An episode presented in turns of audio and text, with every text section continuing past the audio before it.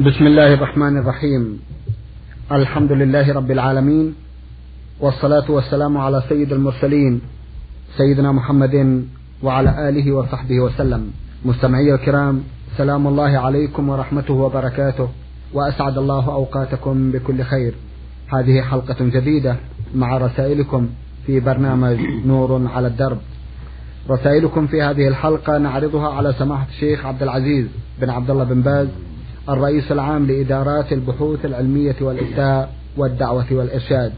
باسمكم وباسمي نرحب بسماحة الشيخ وعلى بركة الله نبدأ لقاءنا. فأهلا وسهلا بالشيخ حياكم الله وبارك حياكم الله. في بداية لقائنا شيخ عبد العزيز نعود إلى رسالة الأخت ألف ميم أو أم أحمد من مكة المكرمة. أختنا عرضنا جزءا من أسئلتها في حلقة مضت وها نحن نعود إليها في هذه الحلقة لتسأل هذا السؤال. هناك من يعارض تنظيف الساقين واليدين من الشعر الموجود بها وإذا كان هذا للزوج فهل الحكم واحد؟ بسم الله الرحمن الرحيم. الحمد لله وصلى الله وسلم على رسول الله وعلى آله وأصحابه ومن اهتدى بهداه. أما بعد فلا أعلم بأسا في أخذ شعر الساقين واليدين لأن هذا من الأمر المسكوت عنه. وقد جاء في الحديث عنه صلى الله عليه وسلم قال ما سكت الله عنه فهو عافية فاقبلوا من الله عافيته. أما أخذ الحاجبين وشعر الوجه هذا هو الذي نهي عنه في أحاديث لعن النامصة والمتنمصة. قال أئمة اللغة النمص أخذ شعر الحاجبين والوجه فهذا هو الذي يمنع. إلا إذا ظهر في الوجه ما يسبب المثلة والتشويه كالشارب للمرأة أو اللحية للمرأة فهذا لا بأس بأخذه. وأما شعر العادي للوجه وشعر الحاجبين هذا لا يؤخذ لأن الرسول صلى الله عليه وسلم لعن النامصة وأخذه من النمصة نعم. بارك الله فيكم. هل يجوز لبس القصير أي ما تحت الركبة بقليل بين النساء مع لبس الشراب أحيانا؟ أنا أعلم أن العورة المغلظة للمرأة من السرة إلى الركبة ولكن هناك من يعارض لبس الشانيل أو الشانيل لا أدري أي ما تحت الركبة فهل يجوز لبسه أم لا؟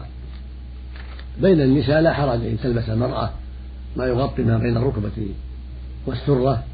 كالرجل بين الرجال عورته ما بين السرة والركبة عند الرجال. فهكذا المرأة عند النساء عورتها ما بين السرة والركبة. فلا حرج أن يرى النساء صدرها أو ساقها أو عضدها أو ساعدها كل هذا لا حرج أو رأسها كل هذا لا حرج فيه. لكن ينبغي أن يلاحظ هنا أن اعتيادها لهذا القصير قد يسبب تساهلها مع غير النساء فيراها الخادم ويراها السائق ويراها أخو زوجها أو عم زوجها ويراها غيرهم ممن يدخل في البيت. فينبغي لها وهذه نصيحتي لكل امرأة أن أن تجتهد في اللباس المحتشم دائما وأن تدع هذا التساهل. لئلا يجرها هذا التساهل إلى فعله في مواطن لا ينبغي فعله فيها. وهذا أمر مجرب من العوائد قهارة فقد تعتاد هذا ثم تساهل به حين حينما تقابل أخا زوجها أو عم زوجها أو السائق أو الخادم في البيت وهذا منكر. فالأولى بها أن تكون ملابسها ساترة وغافية دائما ويكون شعرها مستورا إلا في حاجات إلا في حالة البيت الخاصة التي ليس فيها ما خطر الرجال ودخول الرجال. والله ولي التوفيق. الرسالة التالية وصلت إلى البرنامج من العراق نينوى وبعثتها الأخت حفصة يونس محمد. أختنا تسأل مجموعة من الأسئلة من بينها سؤال عن عمها الذي تزوج بامرأة جديدة فلم يهتم إلا بها وبأولادها وترك أولاد زوجته الأولى الرأي لو تكرمتم سماحة الشيخ الواجب نصيحته الواجب نعم. نصيحته نعم. من إخوته ومن أصدقائه ينصحونه حتى يحسن في أم أولاده الأولى وحتى يعرف لها حقها وفضلها وألا ينساها ويعرض عنها ويبخسها حقها. فإن كان ولا بد وليس له رغبة فيها فإنه يخيرها. إن شاءت صبرت على ما يسر الله منه وإن شاءت طلبت الطلاق. فإن طلبت الطلاق وجب عليه أن يطلق أو يعدل بينها وبين الجديدة. وليس له أن يحبسها ولا يعدل بل عليه أن يعدل بينهما أو يجيبها إلى طلب الطلاق فيطلق. وإذا طلقها أنفق عليها نفقة العدة. طلق طلقته واحدة السنة يطلق واحدة فقط لا يطلق بالثلاث يطلق واحدة. وينفق عليها نفقة العدة. ويعرف لها فضلها. الله يقول ولا تنسوا الفضل بينكم. فينبغي له أن لا ينسى حالها الأولى وأنها أم أولاده. فينبغي له أن يكرمها ويلاحظها ويطيب خاطرها بما تيسر له من المساعدة. هكذا ينبغي للرجال. الأخيار ذوي مكارم الأخلاق وذوي النفوس الرفيعة الطيبة. ولكن لا يلزمه أن يبقيها في حباله إذا شاء يطلق فله أن يطلق. وإن صبرت هي ولم تطلب الطلاق رجاء أن يعود إليها أو لأنها ليست ليست في حاجة إلى الطلاق لأنها لا ترغب الزواج على غيره. فإذا صبرت فلا بأس وهو ينبغي له يحسن إليها وأن يعرف لها حالها الأولى وأن يجود عليها بما يسر الله له ولا ينساها. هذا هو المشروع له. وعلى أقاربه الطيبين أن ينصحوه حتى يعدل أو يطلق إذا طلبت الطلاق. نعم والله ولي التوفيق. اللهم آمين. الرسالة التالية باعثها أخونا المهندس سين طاء ويعمل في الكويت. يقول خطبنا قبل سنة أنا وأخي بنات خالتنا ولم يكن هناك أي شرط في عقد الزواج. وبعد كتب الكتاب يريد والدها أن نمتنع عن السكن مع أهلنا مع العلم بأن عائلتنا صغيرة ويريد كذلك أن نقطع المصروف عن أهلنا وألا نكمل تعليم أخواننا كما أنه يريد أن نمتنع عن زيارة أعمامنا وخالاتنا وأختنا وجميع الأقارب وألا يزورون كذلك. ولقد أحضرناه للتفاهم بحضرة إمام المسجد إلا أنه تلفظ على والدتنا بكلام بذيء وتطاول على الله عز وجل ووسطنا له أكثر من شخص إلا أنه يصر على شروطه ووالدي ووالدتنا يصران على تطليق البنات ولا سيما الوالدة. هل نطيع والدتي ونطلق البنات أم ماذا؟ وما رأي الشرع في ذلك؟ أفيدونا أفادكم الله.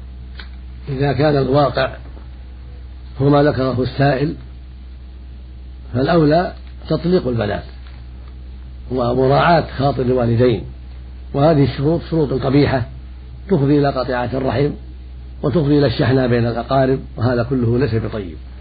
وعمل أبي البنتين عمل ردي لا ينبغي. فإن وافق على نقل البنتين إلى بيوتكما عند أهلكما فالحمد لله وإلا فطلاقهما أولى. وإذا كانت البنتان ترغبان في النكاح ففي إمكانهما أن يرفع الأمر إلى المحكمة حتى تحول المحكمة بين والديهما وبين رأيه القبيح. هذا هو الذي نرى في هذا. المحكمة تنظر في الأمر.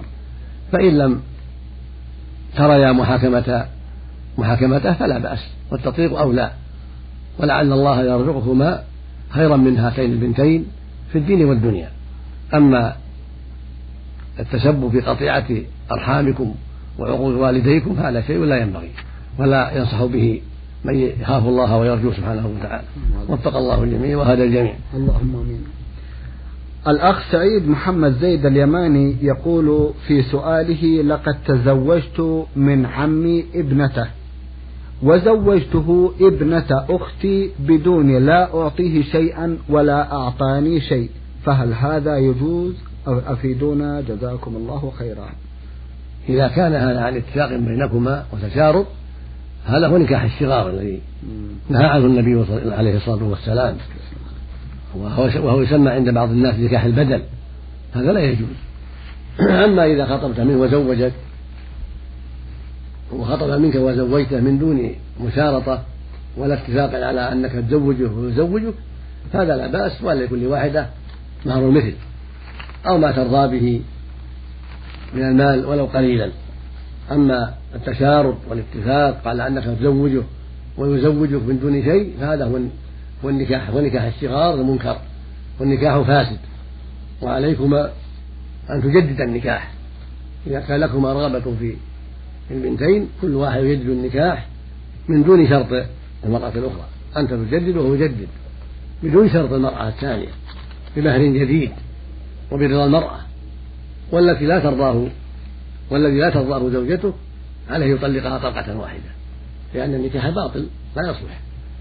فيطلقها طلقة واحدة ثم إذا هداها الله بعد ذلك له أن يتزوجها بنكاح جديد. المقصود أن هذا النكاح فيه تفصيل. إن كان عن مجرد تراض من غير اتفاق ولا تشارط فلا بأس. وعليكما أن تعطيا البنتين مهرهما إلا إذا سمحتا مهر المثل إلا إذا سمحتا عنكما. أو ترضيا كل واحد يرضي زوجته بما تيسر. أما إذا كان عن اتفاق أنك تزوجه ويزوجك أو مشارطة بينكما فهذا هو الشغار والمنكر فالنكاح فاسد ولا يصح. وعلى كل منكما إذا كان له رغبة في مرأته وهي ترغبه أن يجدد النكاح. من طريق الولي وشاهدين عدلين. ولا حاجة إلى الطلاق بس يجدد النكاح بدون شرط المرأة الأخرى ولا بأس. أما الذي لا ترغبه زوجته أو لا يرغبها فيطلقها طلقة واحدة فقط ولا تجبر عليه. إذا كان لا ترغبه يطلقها طلقة واحدة وإذا اعتدت زوجته بعد ذلك. نعم. إذا كانت قد دخل بها. نعم. إذا كان قد دخل بها خلا بها أو وطئها لا بد من العدة. أما إذا كنتما لم تدخلا بها بهما فالطلاق يكفي حينئذ ولا حاجة إلى عدة. طيب نعم. الرسالة التالية وصلت إلى البرنامج من كينيا. باعثها أخونا الطالب إبراهيم محمد أول. أخونا يقول سمعت برنامج نور على الدرب فاستفدت منه كثيرا وأردت أن أبعث إليكم بهذه الأسئلة لأن مواضيعها حيرتني كثيرا. السؤال الأول هل الأرض كروية أم سطحية؟ الأرض كروية عند أهل العلم. قد حكى ابن حزم وجماعة آخرون إجماع أهل العلم على أنها كروية. يعني أنها منضم بعضها إلى بعض مدرمحة كالكرة. لكن الله بسط أعلاها لنا وجعل فيها الجبال الرواسي وجعل فيها الحيوان والبحار رحمة بنا. ولهذا قال وإلى الأرض كيف سطحت فهي مسطحة الظاهر لنا ليعيش عليها الناس ويطمئن عليها الناس. كونها كروية لا يمنع تصحيح ظاهرها لأن الشيء الكبير العظيم إذا سطح صار له ظهر صار له ظهر واسع. نعم.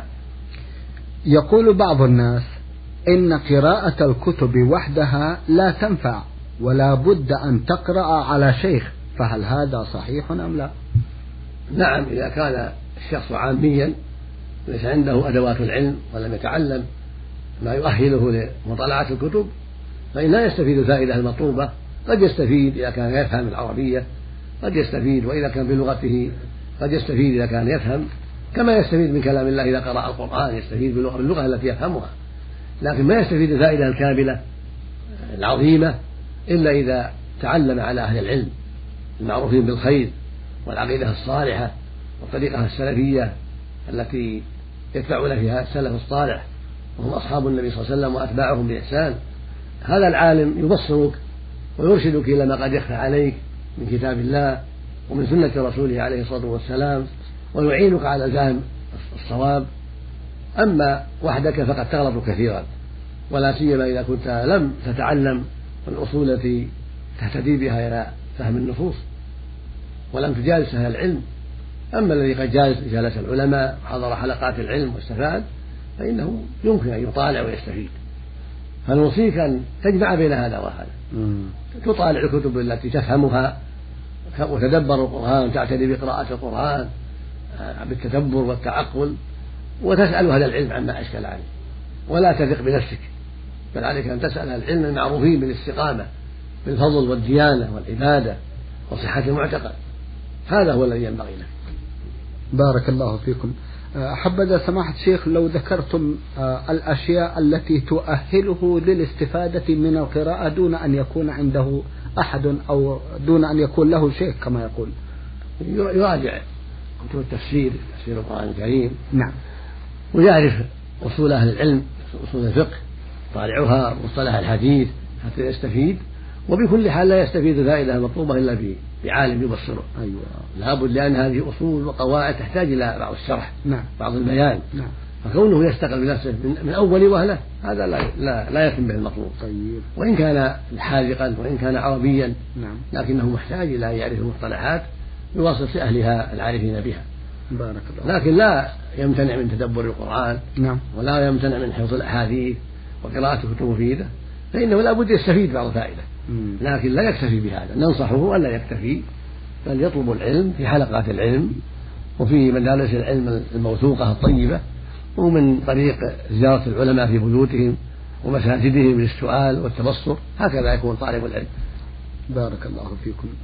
ما حكم من يتعلم لكي يأخذ الشهادة أو يصير عالما إلى غير ذلك؟ إذا كان يتعلم للدنيا ليتوظف أو ليقال إنه عالم هذا خاسر. ما يستفيد من العلم الفائدة التي تنفعه في الآخرة. أما إذا تعلم ليستفيد ويعرف حكم الله ويعرف ما شرع الله له وليتوظف أيضا وينتفع في أمور دنياه فلا بأس. فإن العلم يجره إلى هذا وهذا. ولكن قد يست... قد يتعلم ليتوظف أو ليقال له عالم ثم يهده الله ويرجع الصواب مثل ما قال بعض السلف. تعلمنا العلم لغير الله فأبى أن يكون إلا لله. فينبغي له أن يتعلم ولو ساءت نيته لا يترك العلم يتعلم ويجتهد ويحضر مع العلماء ويسأل ربه أن يحسن نيته. يضرع إلى الله أن الله يعينه على إصلاح النية ويقصد بعلمه وجه الله عز وجل. والله سبحانه وتعالى جواد كريم إذا صدق في الدعاء يجيب الله دعوته ويحسن حاله. فتكون النية بعد ذلك صالحة لا ييأس ولا يترك العلم. نعم. جزاكم الله خيرا. سؤاله الأخير هناك بعض الناس يقولون إن الدعاء واجب وهو أن يدعو الإمام ويؤمن المصلون فهل هذا صحيح أم لا؟ الدعاء مشروع. وليس بواجب لكنه مشروع. سيدعو في صلاته وفي غير صلاته يدعو الله ويجتهد في الخير يسأل ربه المغفرة والرحمة. صلاح النية والعمل يسأل ربه الرزق الحلال الزوجة الطيبة الذرية الصالحة يسأل ربه دخول الجنة والنجاة من النار إلى غير ذلك. لكن يجب أن يقول رب اغفر لي عند جمع من أهل العلم. يجب أن يقول رب اغفر لي بين السجدتين فقط عند جماعة من أهل العلم. أما بقية الدعاء فهو مستحب. يستحب يدعو في آخر الصلاة قبل أن يسلم. يستحب يدعو في سجوده. يستحب يدعو في خارج الصلاة يطلب ربه من خير الدنيا والآخرة. كل هذا أمر مستحب مطلوب. ولا يجب.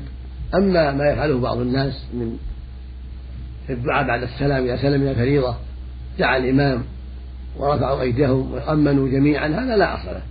هذا من البدع. ما كان النبي صلى الله عليه وسلم وأصحابه إذا سلموا يرفعون أيديهم ويدعون ويؤمنون لا. الإنسان يدعو بينه وبين نفسه يعني ما يدعو بينه وبين نفسه. المأموم كذلك النبي كان يدعو بعد الصلاة بينه وبين ربه. أما أن يرفع الإمام يديه ويرفعون أيديهم ويدعون جميعا يدعو الإمام ويؤمنون هذا لا أصل له. ولا يجوز بل هو من البدع التي يجب تركها. ولكن يدعو الإنسان في نفسه بعد الذكر بما يسر الله. يدعو الإمام ما يخالف. المنفرد إذا ما صلى مع الجماعة لأسباب فاتته الجماعة أو لأنه مريض أو ما أشبه ذلك يدعو أيضا بينه وبين نفسه. ولكن الأفضل يكون في صلاته السجود قبل أن يسلم. لأن الرسول عليه والسلام علمهم التحيات قال ثم يتخير من الدعاء أعجبه إليه فيدعو يعني قبل أن يسلم. وقال عليه الصلاة والسلام وأما السجود فاجتهدوا في الدعاء. فقبل أن يستجاب لكم وقال أيضا عليه الصلاة والسلام أقرب ما يكون العبد من ربه وهو ساجد فأكثروا الدعاء. فينبغي هنا أن يكتب الدعاء في سجوده وبين السجدتين وفي آخر الصلاة قبل أن يسلم. وإذا دعا بعد ذلك بعد السلام وبعد الذكر بينه وبين ربه فلا بأس من في يديه. ومن دون أن يدعو مع الإمام. كل هذا لا أصل له. لكن يدعو بينه وبين ربه بنفسه فقط. من ذرة في يديه بعد صلاة بعد صلاة المريضة وهكذا بعد النوافل. وإذا رفع يديه في بعض الأحيان بعد النوافل فلا بأس. أو في غير صلاة دعا ربه في أي وقت. في غير صلاة دعا ربه ورفع يديه. كل هذا مطلوب. رفع اليدين من أسباب الإجابة. نعم. الرسالة التالية باعثها أخونا ناصر البريدي من المنطقة الشرقية. يقول أنا كنت مريض في المستشفى راقد سرير كما يقول حوالي أسبوع واشتد علي المرض لم أستطع أصلي. لكن بعدما طلعت من المستشفى صليت كل الأوقات التي فاتتني في عصر وصليتها قصرا من كل وقت ركعتين ركعتين. هل صلاتي هذه صحيحة أم لا؟ أولا الواجب عليك أن تصلي في حال مرض. ولو أنك جالس أو مضطجع تصلي على حسب حالك. لأن الله سبحانه يقول فاتقوا الله ما استطعتم. والنبي صلى الله عليه وسلم قال للمريض صل قائما. فإن لم تستطع فقاعدا. فإن لم تستطع فعلى جنب.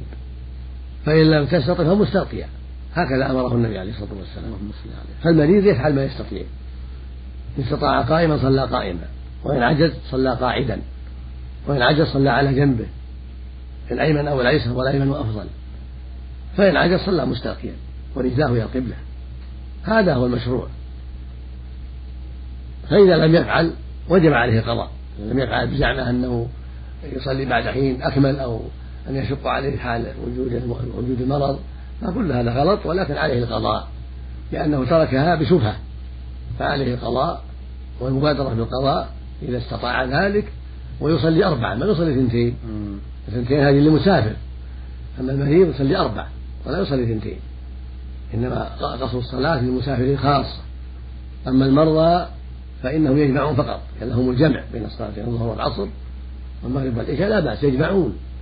أما القصر يعني يكون يصلي اثنتين فلا. لكن يغتر بعض الناس بما يسمع من بعض العامة. يقولون المريض له يقصر. وقصدهم بقصر الجمع يسمون الجمع قصر. هذا غلط في اللغة. الجمع بين الظهر والعصر والجمع بين المغرب والعشاء ما يسمى قصر يسمى جمعا. يعني جمع بين الصلاتين في وقت إحداهما فيسمى جمعا لا قصرا. أما قصر فهو كونه يصلي الظهر ثنتين والعصر ثنتين والعشاء ثنتين هذا قصر. لكن بعض العامة يسمي الجمع قصر فلا تجعل هذا أن بعض الناس قصر في المرض لما يسمع من بعض العامة أن المريض يقصر. ومرادهم أنه يقصر يعني يجمع. هذا اللغة العامة يسمون الجمع قصرا وهو غلط في اللغة العربية. الجمع ما يسمى قصرا يسمى جمعا. إذا صلى الظهر والعصر جميعا في وقت الظهر أو في وقت العصر هذا يسمى جمع ما يسمى قصر. وهكذا إذا صلى المغرب والعشاء جمعا في وقت المغرب أو في وقت العشاء هذا يسمى جمعا لا قصرا. أما القصر فكونه يصلي العشاء اثنتين الظهر الظهر اثنتين العصر هذا قصر. وهذا خاص بالمسافرين. المسافر هو الذي يصلي ركعتين. أما المريض فعليه يصلي أربعا لكن له يجمع بين الظهر والعصر وله يجمع بين المغرب والعشاء من أجل المرض. والله المستعان. نعم. جزاكم الله خيرا. الرسالة التالية باعثها أخونا في الله عماد الدد بن أمين سوري الجنسية مقيم في العراق يقول عندما أدخل الكنيف يوجد لدي دنانير عراقية علما بأن هذه الدنانير مكتوب عليها سورة الإخلاص فهل هذا جائز أم لا؟ وإن كان غير جائز فماذا أفعل؟ وخاصة عندما أكون خارج المنزل في مكان لا أمن فيه. هذا فيه تفصيل. نعم. إذا كنت في محل آمن فاجعلك خارج المرحاض كنيف عند أهلك أو في مكان آخر في فرجة أو في محل آخر حتى تخلص. تعظيما لكتاب الله ولكلامه سبحانه وتعالى. وهكذا إذا كان فيها ذكر الله فالأفضل إخراجها كالخاتم اللي فيه ذكر الله أو رسائل فيها ذكر الله تجعله خارج إذا تيسر ذلك. أما إذا كنت في محل غير آمن فلا حرج عليك أن تصلي وهي معه. لأن الله يقول فاتقوا الله ما استطعتم. ولأن عليك خطرا في جعلها خارج قد تؤخذ. فالحاصل أنه إذا كنت محتاج إلى ذلك ولا يتيسر جعلها خارج الكنيف فلا حرج عليك والحمد لله. بارك الله فيكم. سماحة الشيخ في ختام هذا اللقاء أتوجه لكم بالشكر الجزيل بعد الله سبحانه وتعالى على تفضلكم بإجابة السادة المستمعين وآمل أن يتجدد اللقاء وأنتم والمستمعون على خير. مستمعي الكرام كان لقاؤنا في هذه الحلقة مع سماحة الشيخ عبد العزيز بن عبد الله بن باز الرئيس العام لإدارات البحوث العلمية والإفتاء والدعوة والإرشاد وسجلها لكم من الإذاعة الخارجية زميلنا سليمان الحيدان. شكرا لكم جميعا وسلام الله عليكم ورحمته وبركاته.